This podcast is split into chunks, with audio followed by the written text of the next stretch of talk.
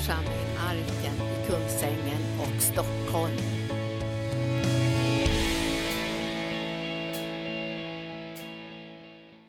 Den här dagen så ska vi tala lite grann om Guds församling förstås.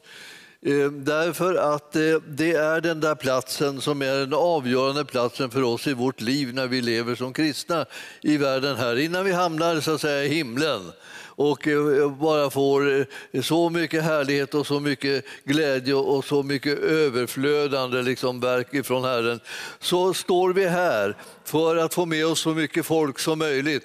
Men vi rustas för att kunna göra uppdraget. Och eh, det är alltid så där, man, man, behöver, man behöver gå lite grann i skola för att lära sig en och annan sak. Och eh, en del av oss har gått eh, i längre skola och en del har gått korta, kortare tider. Och eh, jag tillhör de här maratongrejerna eh, som håller på ofantligt länge i skolan. Eh, och anledningen till att jag höll på så länge i skolan var ju att det fastnade inte riktigt. Eller rättare sagt, det fastnade men det kom aldrig ut något. Så att det, det tog tid för mig. Liksom att det, men när det väl började lossna och komma ut så, så visade det sig att alltihopa fanns där. Fast jag hade liksom lagt det liksom i fel fack. Mm, kan man säga. Så att det som när det skulle komma ut så hittade jag ingenting i det facket. För det, var, det hade hamnat i, på ett annat ställe. Men när det väl kom så fanns det där tillgängligt. Och det där, vad man har lärt sig har stor betydelse genom livet. Och eh, man, eh, jag undrar länge över olika ämnen, vad i all världen jag skulle ha dem till. Och eh, det, och det kanske en del av er fortfarande undrar vad man skulle ha det till. Man kom aldrig liksom på något sätt in på det området eller liksom i, det, i det skedet där liksom då man blir tvungen att plocka fram just den där kunskapen. Den har inte liksom, ingen har frågat efter den ännu. Och det är ju så där ibland, men det mesta har man ju efterhand fått liksom lite nys om att jaha, nu var bra att jag lärde mig det där, vad bra att jag kan det där, vad bra att jag fick liksom lite instruktioner om vad, vad jag skulle göra när den här situationen uppkommer. Och nu sitter vi här i Guds hus och ska rustas för de situationer som Herren tänker föra dig och mig in i. Och eh, så att eh, Guds rike kan utbredas, så att människor inte förgäves så att säga, eh, kommer och pratar med oss. För vi vet ingenting och vi kan ingenting och vi, vi, vi vet inte vad vi ska svara. och vi, vi är så här. Den tiden ska aldrig uppstå. Utan när helst någon kommer och ställer någon fråga om Guds riket, då är vi de som kan svara. Därför att vi har tagit tillfällen i akt och vi har varit i Herrens hus och vi har fått undervisning och vi har rustats och vi har inspirerat och vi har blivit frimodiga i tron och vi kan gå ut och göra Herrens vilja och vi vågar höra vilka frågor som helst för vi, vi hittar alltid ett svar. Och även om det liksom är ett svar som du och jag aldrig har hört Eh, förrän då när någon frågar oss, så är det likväl det svaret som de behöver. Därför att vi har en övernaturlig hjälpare i den heliga Ande som ger oss uppenbarelse om vad vi ska svara var och en. Ni vet det där det finns en mängd bibelställen som säger att, liksom att vi kommer inte stå där svarslösa. Vi kommer inte stå där liksom förvirrade och säga ah, jag ber om ursäkt, jag har ingen aning. Alltså, när de frågar saker om hur de ska kunna bli frälsta, hur de ska kunna eh, nå himlen, hur de ska kunna vara trygga i den här världen, hur de ska få kraft och hjälp och lösningar och sånt. Ja, då kan inte vi stå där, jag vet inget, tyvärr, jag vet ingenting. Ja, men går inte du i kyrkan? Jo, jag sitter ju där. Alltså, ja, jag sitter där och sitter. Men det är liksom på något sätt, du, du har, eh, eh, grejerna som du hör, de lägger du i helt fel fack och så hittar, återfinner du dem aldrig. Det känns, för mig känns det ibland som eh, när man har en relation till en dator. Eh, nu för tiden. Liksom så. Man vet att det finns, fanns någonstans där, men var i all världen tog det vägen? Eh, och, och, och, ibland så går, går, man runt och frågar alla möjliga. Liksom, var, var, har det där hamnat någonstans? Var, var, finns det? Ja, man vet inte. Och alla letar och alla letar. Det blir en riktig, riktig sån här kampanj. Leta efter, efter information som man har försvunnit i en dator. Alltså jag, jag vill säga att, att, att det, ibland så är det mm, viktigt liksom att man inte lägger saker och ting så, här, så ofantligt långt i förväg. För man vet inte riktigt var, man, var det hamnat då. Utan det ska, ju färskare det är, desto större chans är det att man kan liksom återfinna det. Och ju mer liksom systematiskt förstås också man lägger ut lägger grejerna, desto bättre. Men alla är ju inte liksom skapta på det sättet. Och här är, här är en då.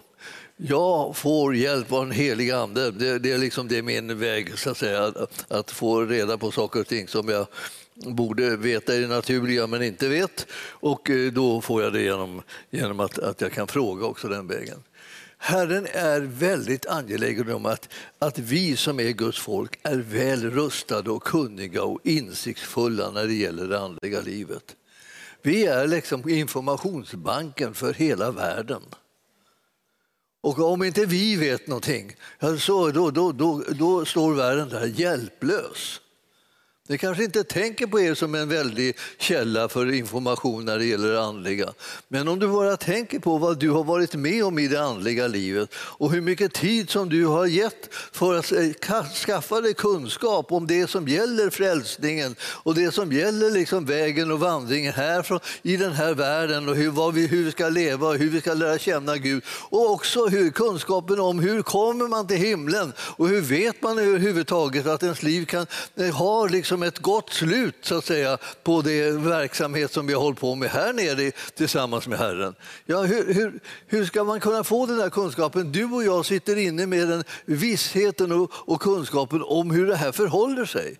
Jag känner ibland så här att tänk alltså vilka fantastiska liksom, liksom, bomber liksom, utav, av kunskap det är. Så man skulle kunna tänka sig att vi, vi exploderade bara och så flög all vår kunskap och alla våra erfarenheter om det andliga livet livet ut över hela världen och människor blev fullkomligt, eh, fick en glädjechock över liksom att de fick veta hur det egentligen förhöll sig med det andliga livet istället för att det, det är diffust och liksom som en stor dimma som man kan gå omkring och, liksom och, och, och känna sig fram. Så här, där var det ingenting och där var det ingenting. Du vet ju så mycket det är inte till för dig att du bara ska sitta och hålla det för dig själv. Det är för att du ska ge ut det till andra förstås. Och det här, men jag, jag är ingen evangelist, säger folk ibland. Alltså, nu är det ju så här att du, du, du behöver inte vara någon särskild evangelist för att liksom dela med dig av det som du har mött med Jesus och den erfarenhet som du har fått av honom. Utan du behöver bara vara en kristen som kommer ihåg vad han har gjort för dig som kommer ihåg hur han frälste dig, kommer ihåg hur han botade dig och räddade dig och hjälpte dig och hur, hur han försörjde dig, hur han styrkte dig, hur han uppmuntrade dig. Du behöver bara vara en sån som kommer ihåg vad han har gjort för dig i alla dessa dagar som du har levt i ditt liv. Alltså, du har ju en erfarenhet av Herren som är liksom kopiös.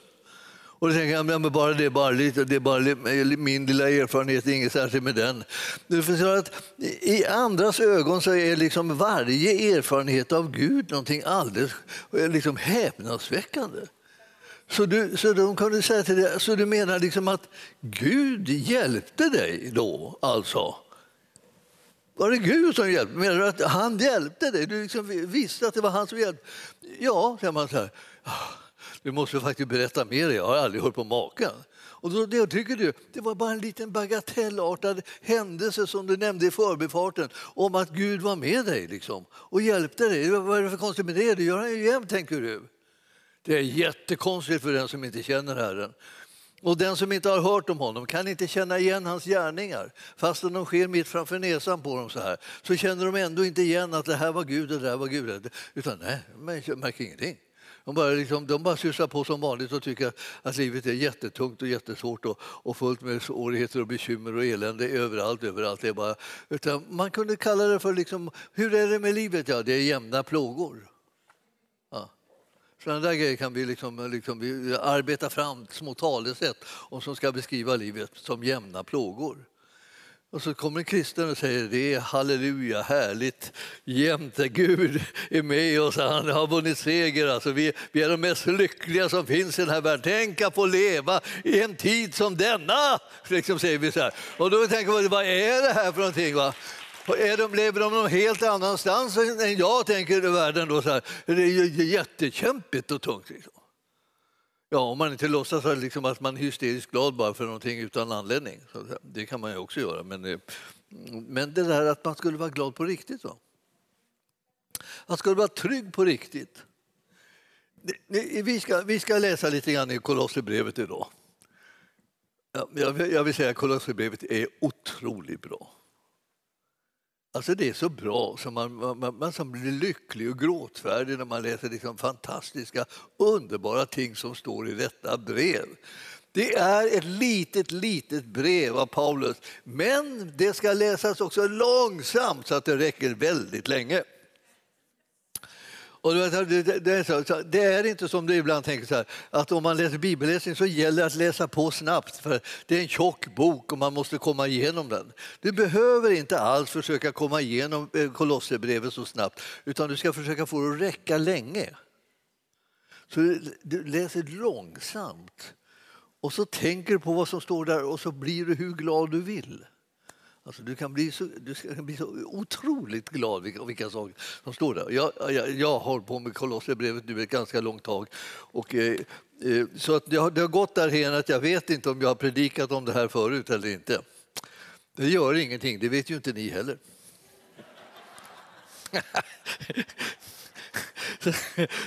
Sånt kan ju livet vara ibland. Så då har vi liksom båda liksom en överraskning. Så här. Och sen om det till slut, när vi kommer mot slut, ja men du det här har vi sagt förut. Ja, ja vad bra, då har vi strukit under det med en extra tjock rad så här.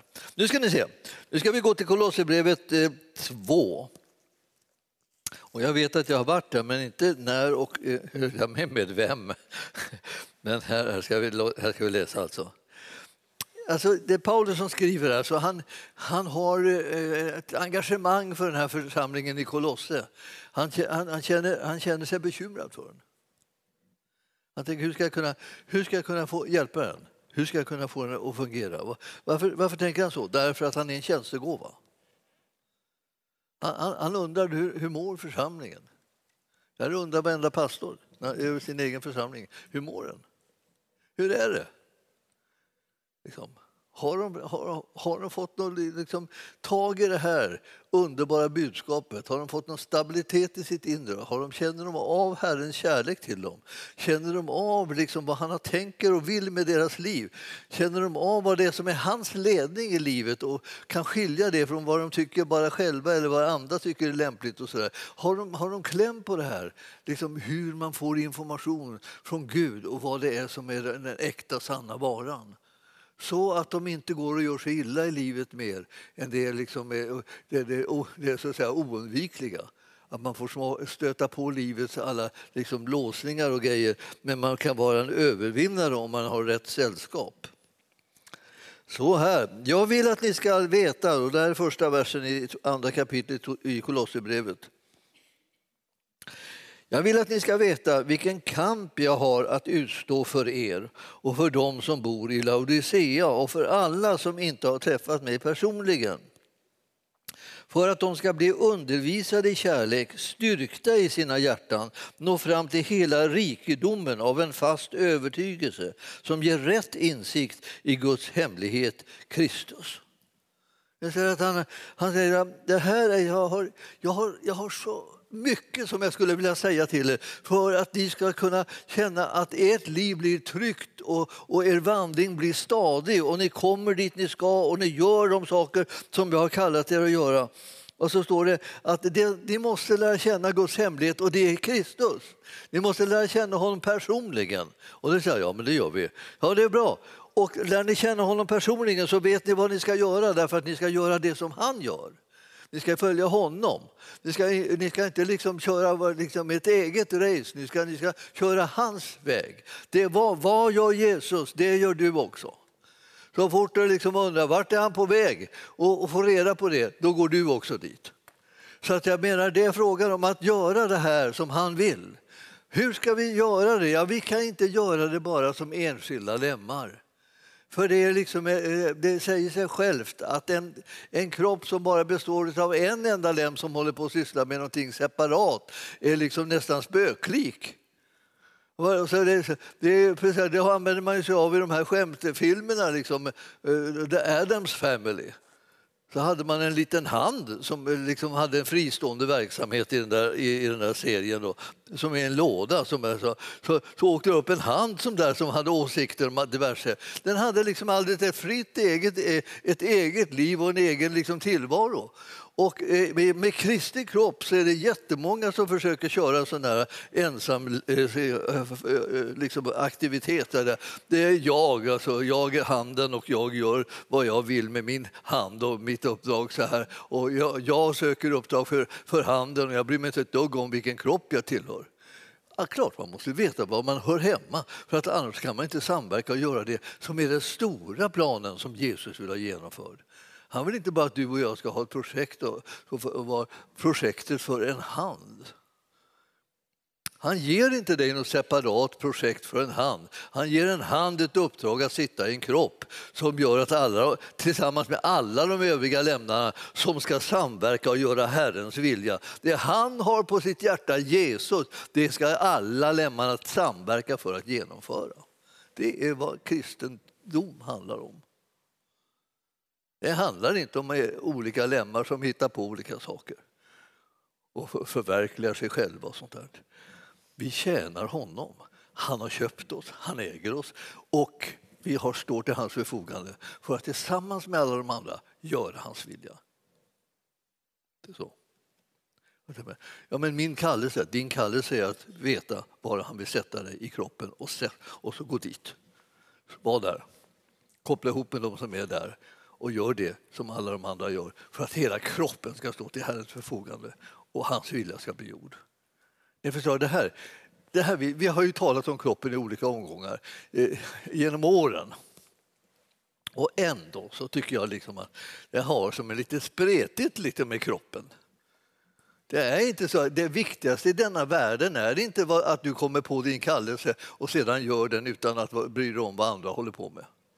Utan det, det, är meningen att när du kommer på din kallelse ska du veta hur du ska sitta ihop med de andra. För vet man att man är han så är det bra att leta upp en arm och, och liksom fästa sig där i den kroppen som sedan för övrigt sitter fäst hela vägen liksom in i det som är Kristi kropp. Så att han kan använda sin kropp till, med full kraft och göra sin vilja. Det är hans vilja som ska ske. Ni vet. Jag överraskar ingen när jag säger det. Jag hoppas det. Alltså, det är hans vilja som ska ske. Om du kommer på vad du ska göra liksom, som är hans vilja i hans kropp så har du börjat komma rätt. Men om du bara kommer på vad du ska göra utan att bry dig om att du, om du har en kropp som du kopplar till eller inte, ja, men då är det bara virvar. Du kommer att gå under. En gång i världen, så, för att demonstrera det här enkelt, liksom, så hade vi ett litet läger liksom, för konfirmander uppe i, i något fjällvärlden. Och, eh, och så stod vi där uppe på, fjäll, på fjället där. Det växte nästan ingenting utan någon slags dvärgbjörkar. Och så talade vi om det här med kroppen. Och, och, och, då så var det bara så att illustrationen blev så jätteenkel. Man tog en liten bit av en eh, björk liksom, och så rev man av den liksom från själva björken för övrigt och så slängde man liksom den där vid sidan om och så sa man så här. Eh, eh, tror ni att det här är lösningen för hur, hur en kristen ska leva? Jag säger, separat där. Vad kommer att hända med kvisten? Ja, den har redan fått sitt livs dödsstöt kan man säga genom att den har separerats från kroppen. Och nu är det bara en tidsfråga innan den längre, inte längre är grön utan är, är, är, brun och död. Och den kan ha haft hur mycket liksom vision som helst inbyggd i sig men den fick inte tag i den där visionen att sitta sammankopplad med det övriga trädet. Och hade den inte det kvar utan hade separerat från det, då spelade det ingen roll vad den hade för vision. Den, hade, den kan ha en vision så den spricker. Det blir ingenting ändå, den dör. Ser ni?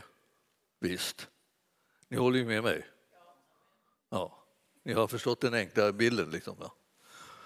Så att jag vill inte att det här ska hända någon av oss. Jag vill att det här ska hända, att vi kommer på att när vi vet vilka vi är så kommer vi in på rätt plats. Och så kopplar vi ihop med de övriga och så gör vi det som Herren vill. Och, och det behöver vi veta tillsammans, annars så går kroppen sönder igen. För att om, om vi tror liksom att ja, jag vet visst vad Herren vill och den andra säger ja, nej, jag vet vad han vill, han vill dit. Och, och annan säger ja, han vill dit, han vill dit, han vill dit. Och till slut så alltså, är vi så trötta på varandra och ingen håller med oss. Så springer vi alla åt det hållet dit Herren känner att vi känner att Herren har kallat oss. Detta, och hela kroppen bara rivs sönder. Hur ska vi, vad ska vi göra då? Ja, vi, vi, vi, ska, vi, ska, vi ska ta hjälp. Hjälpen har Herren gett till församlingen. Det är därför som det finns såna här som, som jag och andra ledare i församlingen som hjälper församlingens medlemmar att liksom upptäcka hur de ska komma in tillsammans och höra vad är visionen och kallelsen speciellt för den här församlingen. Och så börjar de höra detsamma och så börjar de förstå att det här ska vi samverka om att göra.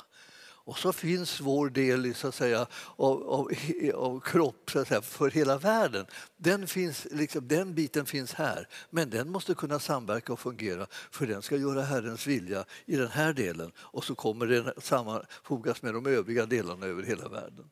Så det finns ett, liksom, en så internationell eller så världsvid kropp och så finns det liksom en lokal historia här. Och, och, det finns flera lokala församlingar på, på platsen och alla har de så att säga, möjlighet att fånga upp den gemensamma vägen som de ska gå på och så håller de ihop så att den biten fungerar. Vi gör Herrens vilja ihop alltså. Och vi håller inte på att slita sönder kroppen utan vi håller ihop den. Och så kommer vi att kunna känna vilken trygghet det är att veta att man behövs där man är. Och vilken glädje det är att se att andra som man behöver också är där. För man undrar vad ska, vad, ska vi, vad, ska vad ska de ha mig till och vad ska de ha dig till? Och, och så här, och, ja, behövs inte, jag inget, det är ingen som frågar efter mig. Och så håller man på så där. Det, det beror väl på det, vad du tror att de ska fråga om när det gäller dig. Du förstår, du förstår att Herren har ju pratat med dig. Om du lär känna hans röst så kommer du höra vad han vill med dig. Och så kommer det där vad han vill med dig så småningom bli liksom en glädje för dig att vilja göra det som han vill med dig. Och då, då börjar de andra se vad det är som han vill med dig. Han tänker, ja, men du har ju det där. Du du kan ju det där, du har ju de där gåvorna, du har ju den erfarenhet av det där området. Det, du, kan, inte du, kan inte du komma? Och så börjar man bli efterfrågad i det som Herren har gett till en det som han har, har, har, utrustat en med istället för att man står och kläcker liksom, eh, någon slags önskningar upp i fantasins värld om, om vad det är man ska göra som Herren aldrig har bett en att göra. Man ska komma in i det som, det som Herren har bett den om som kommer bli synligt för den övriga kroppen så att de kallar på det. Och vi behöver se de där sakerna när, och det sker när man kommer rätt.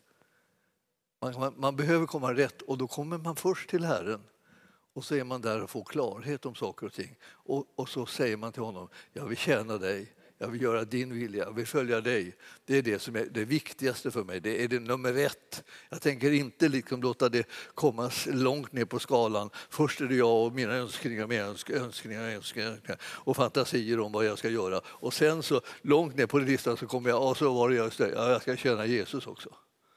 Utan känna Jesus är först. Och då måste man lära känna honom och hans röst. Och det gör man genom att man läser i ordet och nu ska vi titta en liten stund till här på det här. För det här är nämligen jättepositivt. Alltså. Det är så otroligt bra så man blir liksom glad. Det finns två huvudsaker att, liksom, att veta. Liksom. Det är för det första är att man har mottagit Herren i sitt liv. Jag har tagit emot honom och, det, och, och, jag tog emot honom och hela hans gärning som frälste mig och rättfärdiggjorde mig och godkände mig så att jag blev en accepterad person. Jag blev älskad och jag visste om att jag är älskad därför att han älskar mig och han har bevisat att han älskar mig genom att ge sitt liv för mig. Ni vet det här. Det är Jesu död och uppståndelse. Det var ju för dig och mig. Det, när vi vet det här, då, att vi har mottagit det, då har vi liksom en grundplåt som är av trygghet som är, som är den, den, o, alltså det, alltså det ofattbar vad den är stark och trygg. Den ska vi stå på. Så det, det är som att eh, det, man, man, man, kommer på plötsligt att, att ja, det som jag har, jag har små mattor som jag går på här. För att liksom begränsa slitaget antar jag. Eller något. Så här är en matta. Så och, och, och ändå. Om det utanför den liksom var, så att säga, var definitivt liksom inte ens hållbart utan det här var bara liksom en liten eh, vad ska jag säga, en chimär. Så här. Det bara såg ut som det höll. Men om man, om man lutade sig på det då, då, då rasar man igenom här. Och men, men, när man står på mattan här så vet man liksom att här är det tryggt, här är jag säker. Här kan jag skutta omkring hur som helst. Jag kan ju bete mig på allt möjligt sätt. Som är, som, och där, där ute kan jag inte ens nästan peta utan jag trillar i och sjunk, sjunker till botten. Och då vet jag liksom så här, var har jag hittat för någonting? Jag har hittat en, en trygg och fast punkt och del i livet där jag ska hålla mig. Det här är mitt, det här är mitt trygga område. Och du hittar ditt. Och så småningom när vi liksom för ihop de här områdena av trygghet så, att säga, så får vi någonting, ett stort stabilt område. Där, där det visar sig så småningom alltså att, att det bär också när vi liksom lutar oss mot de här andra områdena och kliver in i det område som en annan har, så bär också det. Och till de här områdena kan vi inbjuda människor att komma och, och eh, stå med oss och vara med oss och koppla med oss. Och, och vi, vi, vi, känner hela tiden tryggheten. Så att de, de här mellanområdena de finns inte längre, de upphör. Och det blir en stor, liksom, eh, stor trygg liksom, botten, eh, botten som, eller, eller, eller som, en, som ett golv som vi allihopa kan gå på och som bär oss allihopa. Och den här delen, eh, när vi har det här tillsammans och den bygger på vad Jesus har gjort för oss så är det som att det hela livet har sin förutsättning för att nu kunna liksom börja bära frukt. Om inte den här saken ligger på plats så har vi ingen möjlighet att bära frukt. Det här är samma sak, funktion som grenen behöver att föras in i stammen. Och, och, och, när den kan, har förts in i stammen då kan det börja bli frukt och då kan det börja göra det som den är kallad att göra. Annars, Eh, utan att föras ihop med stammen, är, är hela hopplöst. Så om inte vi alla får den här stabiliteten, hittar den här i, i botten, så vill vi inte göra någonting. Vi vill inte bära frukt för vi känner på att det går inte, jag, jag kan inte. Och man tänker, ja, någon kanske till och med har försökt liksom att bära frukt och det gick inte. Den spände sig så fruktansvärt och den kämpade vilt, men det blev ingen frukt i alla fall. Därför att det, liksom, det fanns ingenting som var förutsättningen för det här. Den var inte infogad i stammen eller den hade ingen så att säga, grund att stå på som höll. Och du och jag behöver hitta den först. Och när vi har hittat den så kommer den andra punkten. Och den andra punkten, det kan vi säga, den, den, den säger Bibeln ibland säger att det, det, är, det är att när man har mottagit Herren och det han har gjort för en så kan man vandra i Herren. Och det här är liksom nummer två. Och det är liksom jätteenkla saker som jag säger till er nu, men de är helt avgörande. För att om vi inte liksom får tag i det på det här viset, att du lägger först den grunden och sen där så kan du sätta igång och leva ut ditt liv. Det livet som du har fått av Herren, det lever du nu ut i Herren. Inte själv, inte utan några andra eller så, utan i Herren blir du förenad med de övriga. För det är där vi ska vara med de övriga. Och när vi inte eh, låter oss vara med de övriga så kommer vi missa vad vårt liv handlar om. Så Herren håller på att liksom ge oss en upplysning. Du hör samman med den här kroppen. Du ska liksom låta dig sammanfogas med dem och du ska bygga på att den här grunden är alldeles trygg för du har fått precis samma grund som alla andra. Och nu ska du bära frukt beroende på vad du är för någonting, vilken del av kroppen du är. Och, eh, och, det, och då ska du förvalta det som du har fått av Gud. Och den förvaltningen den kommer liksom först som nummer två. Först lägger man grunden. Och en del tycker liksom att det här med grunden är så svårt, man vet ju aldrig riktigt om man duger, man vet ju aldrig om det håller och man vet aldrig. Så man gör fel beräkning. Man, man väger sig själv istället för att väga sin Herre. Herren är mäktig att rädda och förvandla varje människas liv så att från det att den liksom lever på någonting som verkar gungfly så lever de på en stadig och fast mark. De lever på klippan, man säger i Bibeln. Alltså de, de har stadigt under fötterna. När de har det så kan de sätta igång och göra saker och ting i Guds rike och tillsammans med de andra. För nu är det, är det tryggheten är redan liksom där på platsen. Det är alltså, om man är bärgad, det vill säga man är räddad, man är frälst och man behöver inte längre vara rädd. Så här är det liksom enkelt, enkelt, enkelt. Att om man går från att bara ha, ha mottagit Herren till att man börjar vandra i Herren. Och, och eh, det, det, där är också vår kallelse. Då, då, kan man säga att det finns en sån väldig trygghet i att bara vara på rätt plats. Alltså att bara vara frälst, att vara, vara rättfärdiggjord. Det är en sån fantastisk trygghet i det. Så att eh, du kommer inte använda det här med vad du ska göra som någonting som du tänker använda som en merit för dig sen. Eller som att du får massa medaljer för att du har varit duktig. Så var du duktig där och så var du duktig så och så var du duktig. Och till slut så hänger det sådana här medaljer på dig så du börjar se ut som en, som en sån här eh, rysk general som nästan står och lutar av alla medaljer som hänger på dig. Vad, vad ska, det behöver de inte. Därför att det som du fick från början, som var alldeles gratis, var så oerhört hållbart och säkert och tryggt. Och det var en sån kärleksförklaring från Gud så att du är helt tillfreds. Och vad du nu gör är att du sätter igång och älskar din Herre genom att leva tillsammans med honom och följa honom och göra hans vilja.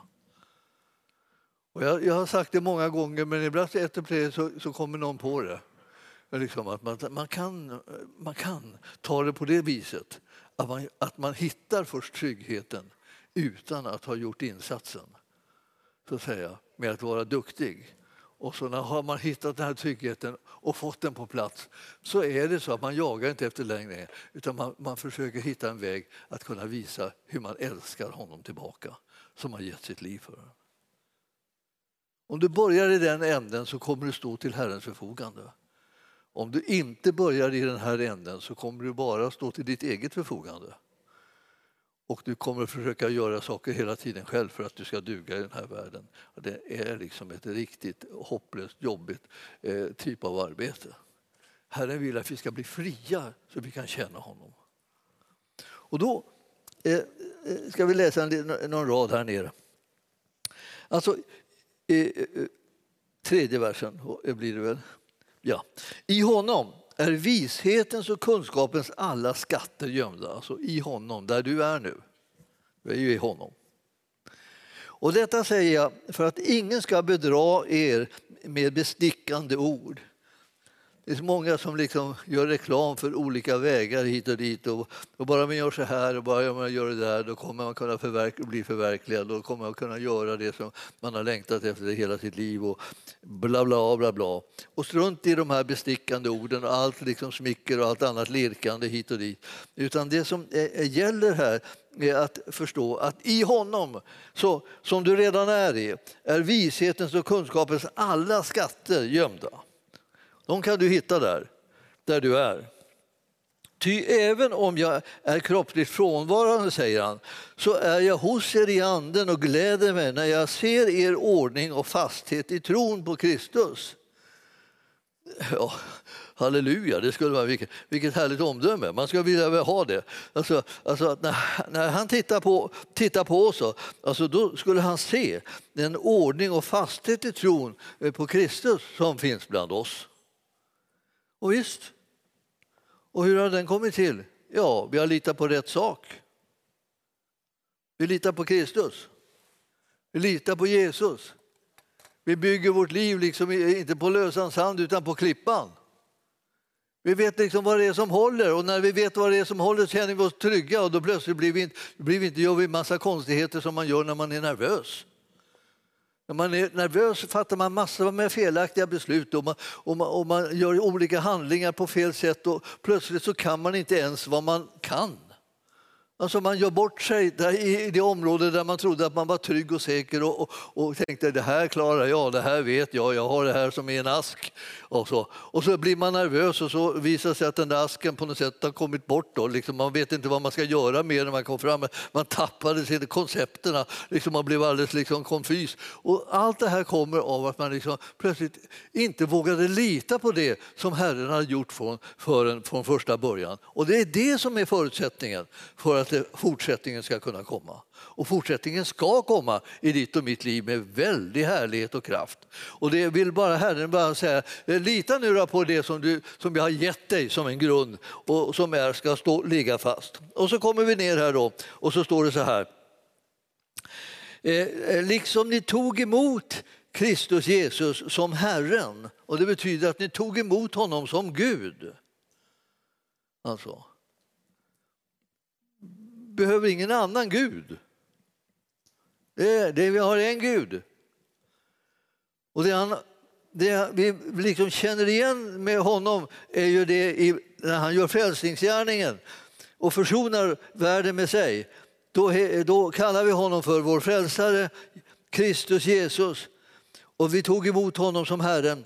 Nu, vad ska vi göra då när vi har tagit emot honom? När vi har liksom tagit emot själva grunden för hela livet? Jo, då står det lev i honom. Lev inte ett liv utan honom. Lev inte ett liv liksom där, du, där du ska fixa allt nu. Nu gäller det. Liksom. Nu, nu, nu biter du ihop och tar det samman. Nu genomför du det här, nu klarar du av det, nu pressar du på, nu ger du aldrig upp. Och så här. Du ska leva i honom.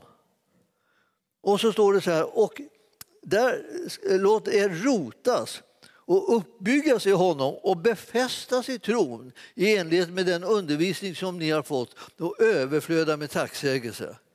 Där har du hela livet som en liten ask. Och då är det så härligt med det, där, det här som det står här. Det här finns det liksom om man läser, när man läser liksom på, på grekiska så, så, så, märker man att det finns ett par olika vad ska jag säga, verbformer som, som säger oss någonting eh, när det gäller den här texten var allt det här som man skulle göra till synes här. Ja, det, det, verbformen alltså, det, det, det står, just stod ju här att vi, att vi skulle rotas. Och det här med att vi ska rotas, det är en verbform som, som betyder att det har skett i det förflutna. Det betyder det att saken är klar i det förflutna. Det är en sån verbform, det vill säga perfekt, har skett. är ju perfekt. Så hette det i alla fall på min tid. Jag, har en känsla av att de har gett lite nya namn på liksom, i grammatikerna nu. Men strunt i samma. Försöka översätta det där. Har skett är alltså perfekt. Och sedan så eh, är, är det liksom en, en, en, annan typ av handling så att säga, som, som kommer när du, när, du, när du går in på det eh, som eh, ska skiljas, skildras fortsättningsvis. En rotad sak är ju en planta av någon sak, det vill säga en växt med rot. Den roten liksom, den är rotad och klar, så att säga. Då skapas förutsättningarna för vad den ska göra sen här framöver. Men när, när vi kommer in på nästa del, säga, att vi ska uppbyggas i honom, så pratar man ungefär som om det var en byggnad som var på gång. Och vi börjar tänka liksom, liksom på ett annat sätt. Alltså, nu ska det byggas här. Och då ska, det, då ska det uppbyggas någonting och sen ska det befästas. Och det, när, man, när man ser på det här ordet så säger det, finns det någonting som heter presens particip. Ja.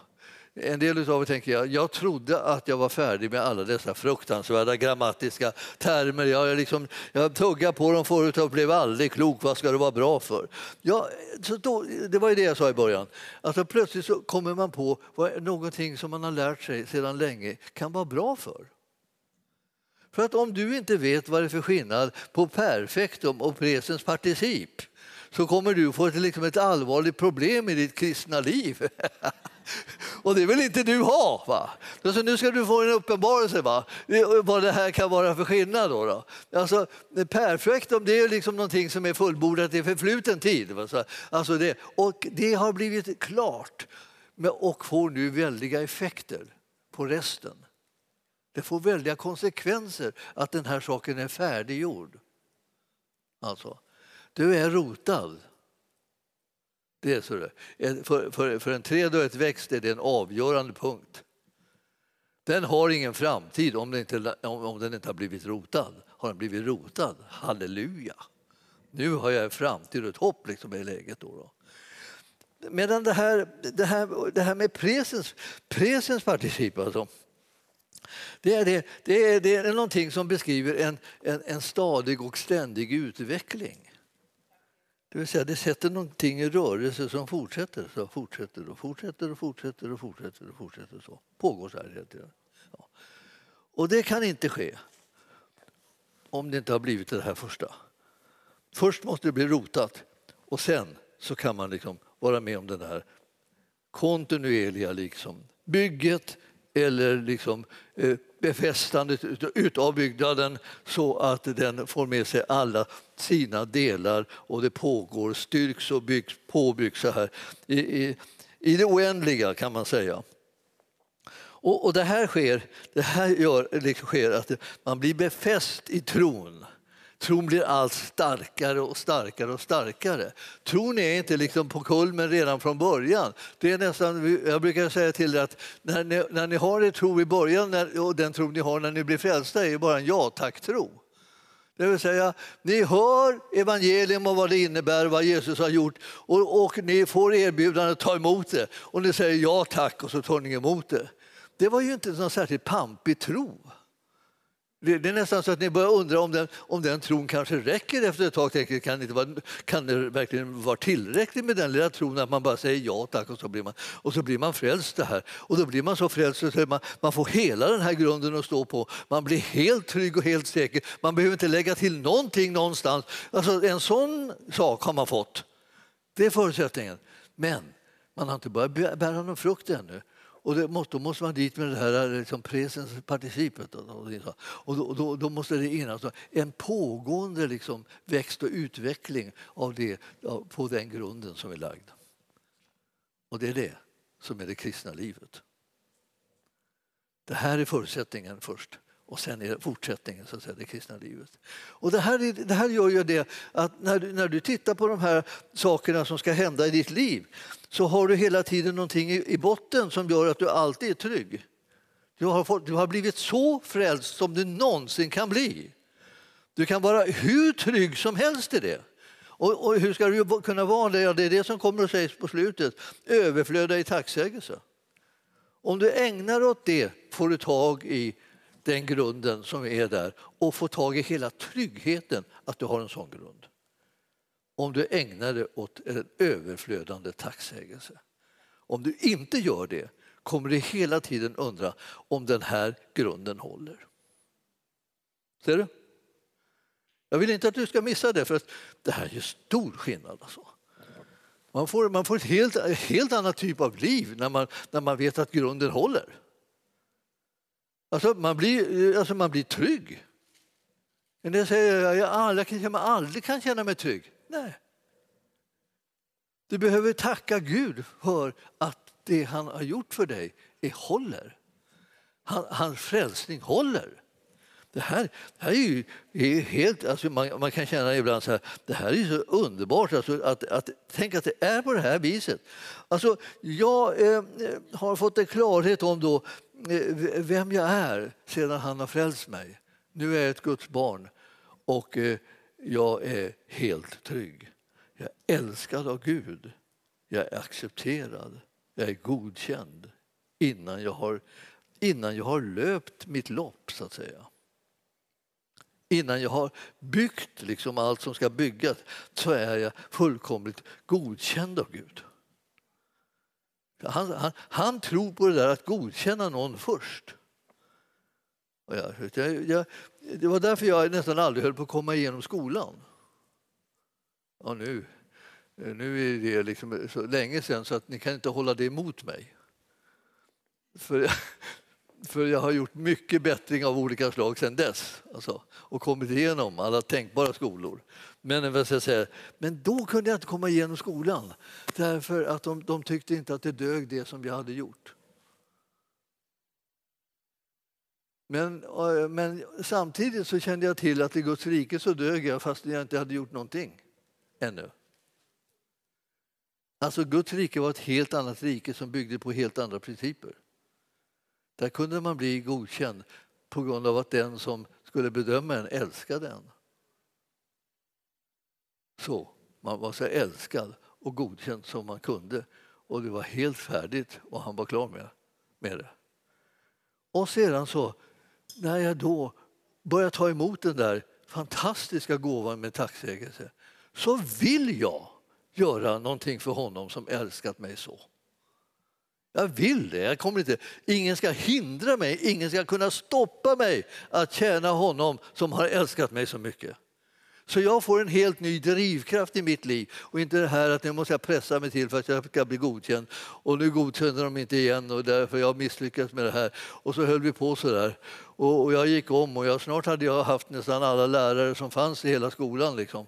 De, de, de, testade väl mig på olika, med olika klasser, så här, med olika lärare Jag tänkte kanske den här läraren kan få någonting i den här människan någon gång. Så här. Och, och, så, sanningen var att allihopa fick i, i med det, men jag fick inte ur med det. Förrän sent omsider. Men då, halleluja, då kom alltihopa. Det var roligt för mig och lärarna blev nervösa. Men alltså det ni förstår, alltså det här var, att, att det här var liksom fullkomligt eh, ett helt annat rike, det märkte jag av att man kunde bli godkänd utan att ha förtjänat det. Och hur kunde det ske? På grund av Jesus. Alltså Jesus är räddningen. Han räddar vem som helst som låter sig räddas, det vill säga som säger ja till det som han erbjuder. Han, han räddar vem som helst. Så det betyder det att du kan bli fullständigt godkänd fast du inte godkänner dig själv ens. Och det är många som inte gör det. De sitter liksom och tänker att de inte duger. Det är deras liksom nästan paradsak som de ska säga om sig själva. Jag duger inte, jag är värdelös, jag, kan, klarar ingenting och så. Det är vad de säger om sig själva. De ska tacka Gud för att han inte säger samma sak. För att han har frälst dig, räddat dig och förvandlat hela din livssituation. Mycket mer än du kan ana när du tittar på den. För det här är någonting som du måste ta emot i tro. Och tro är en övertygelse om sånt som man inte ser. Alltså. Så man, ja, men jag, jag, jag ser inte det, jag kan inte förstå det. Nej, det gör ju ingenting. Du kan ju tro det. För han säger om dig att du är en sån person som är fullkomligt liksom, förvandlad, fullkomligt född på nytt, fullkomligt liksom, älskad och fullkomligt accepterad utav Gud. Det är vad han säger om dig. Och när du frågar av vilken anledning då är han det? Den anledningen att han nu är i Kristus Jesus. Han tog emot alltihopa gratis. Jesus betalade med sitt blod för att han skulle räddas och nu har han gjort det och nu är han räddad. Och nu är han rättfärdig därför att Jesus gjorde ett byte och tog hans synd och, och, eh, och han fick rätt, hans rättfärdighet istället och saken är klar. Och för den som tackar Gud för det här blir glädjen så stor så småningom så att man får en kärlek som gör att man vill tjäna Herren. Man vill tjäna Herren, man vill följa honom och man vill göra det på hans villkor. Man vill inte bara ställa sig i någon slags kö och begära olika tjänster av olika hög grad. Så att säga. För det är någonting som alla behöver komma på så småningom. Att tjänsterna har ingen högre grad eller lägre grad. Allihopa är liksom lika mycket värda. Om de är värda någonting så är de lika mycket värda. Det är olika uppgifter bara. Och alla människor har olika uppgifter. Och ingen blir mer värd för den uppgift som de har fått. För den var inte förtjänt, den var gratis.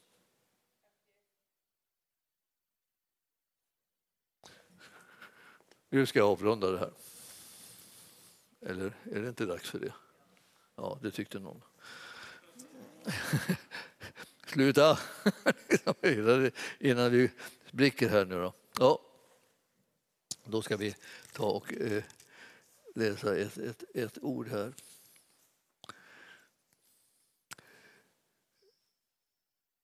Eh, vad hittar jag? Jag hittar ordet också.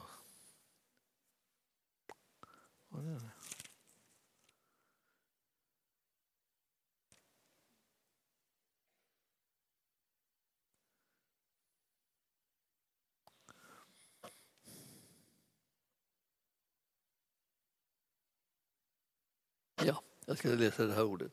29 versen i, i, i första kapitlet. Där står det bara liksom som en liksom sammanfattning så här. Vad, vad, vad, gör jag nu när jag, när jag är, har blivit en människa som är fullkomlig i Kristus? Att allting som behöver göras, allt är redan fullbordat i Kristus Jesus.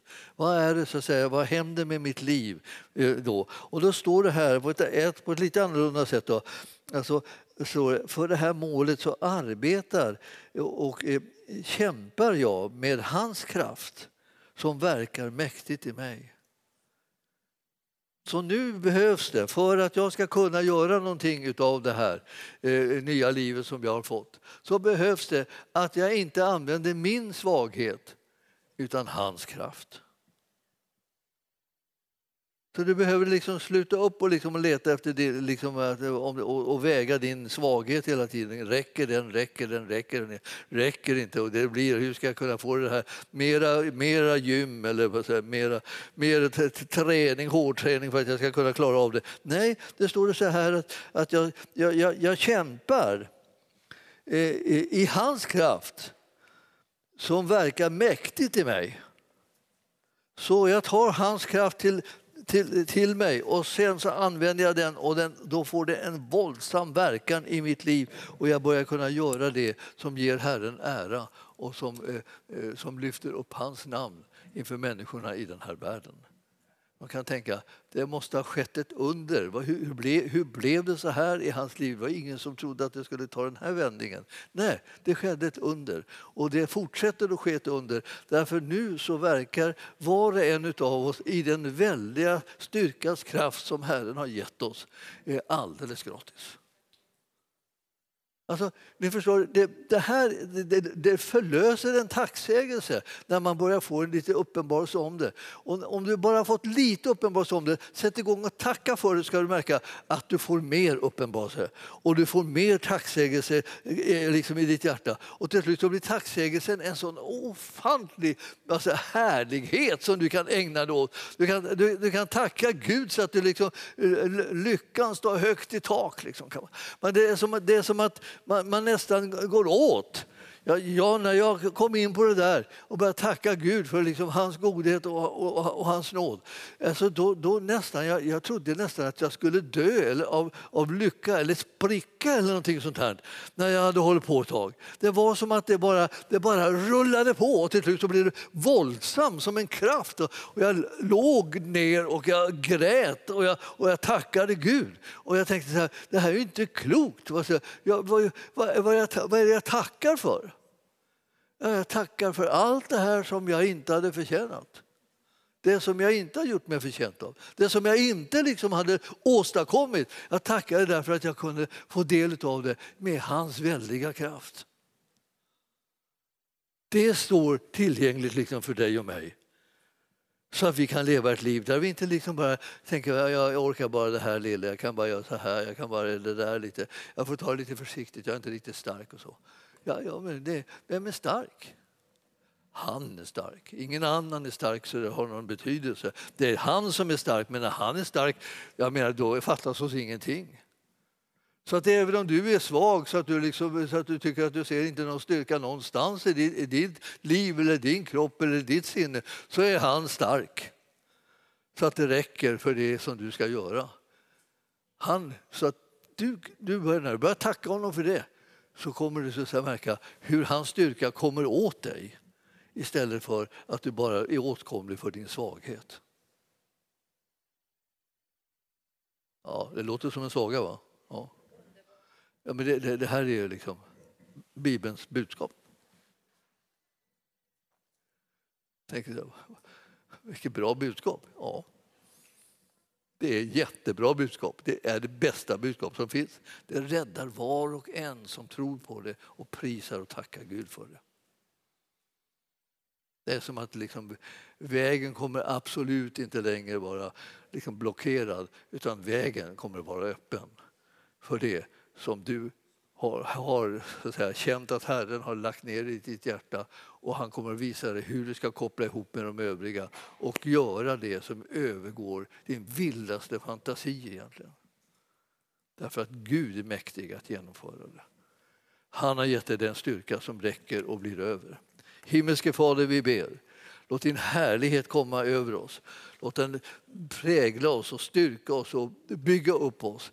Låt den påminna oss om att det är du som är vår styrka och vår, och, och vår källa. Och det, när vi har dig, Herre, så har vi allt som vi behöver. Det är ingenting som fattas oss. Och vi ber, Herre, att du, ska, du som har verkat ut det här för oss och gett oss det underbara livet också ska fortsätta att göra det med, med, med, med kraft och låta det liksom utvecklas så att det kan ära dig och upphöja ditt namn inför människorna så att många blir frälsta. Många människor springer dig till mötet och tar emot den här gåvan som du ger oss av liv och härlighet och frid och kraft och rättfärdighet och glädje i den helige Ande. Vi prisar dig för det i Jesu namn och församlingen sa Halleluja, tack Jesus.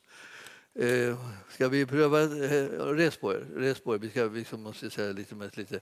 Jag, jag känner liksom att eh, eh, bra budskap de behöver man liksom eh, kalla på, att de liksom landar i en. Så att eh, jag tänkte vi, vi kan ju öva några halleluja tillsammans. Ja, bara för att liksom lite, ja, en del kan ta det lite försiktigt om ni är ovana, men annars så får ni gärna ta i hur mycket ni vill. Så, så ropar vi några halleluja till Herren för att han är så god, för att han har frälst oss och rättfärdiggjort oss, för att han har välsignat oss, för att han styrker oss och hjälper oss, för att han bereder utvägar inom alla områden. Halleluja! Halleluja!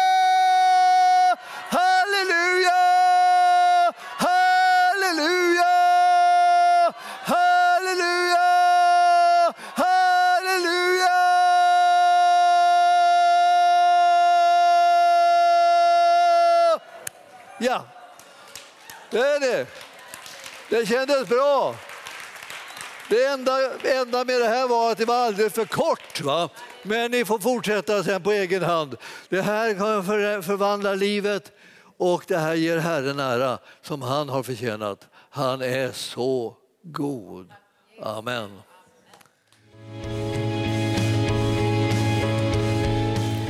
Tack för att du har lyssnat. Vill du få del av mer information om församlingen Arken, vår helande tjänst, bibelskola och övriga arbete, gå in på www.arken.org.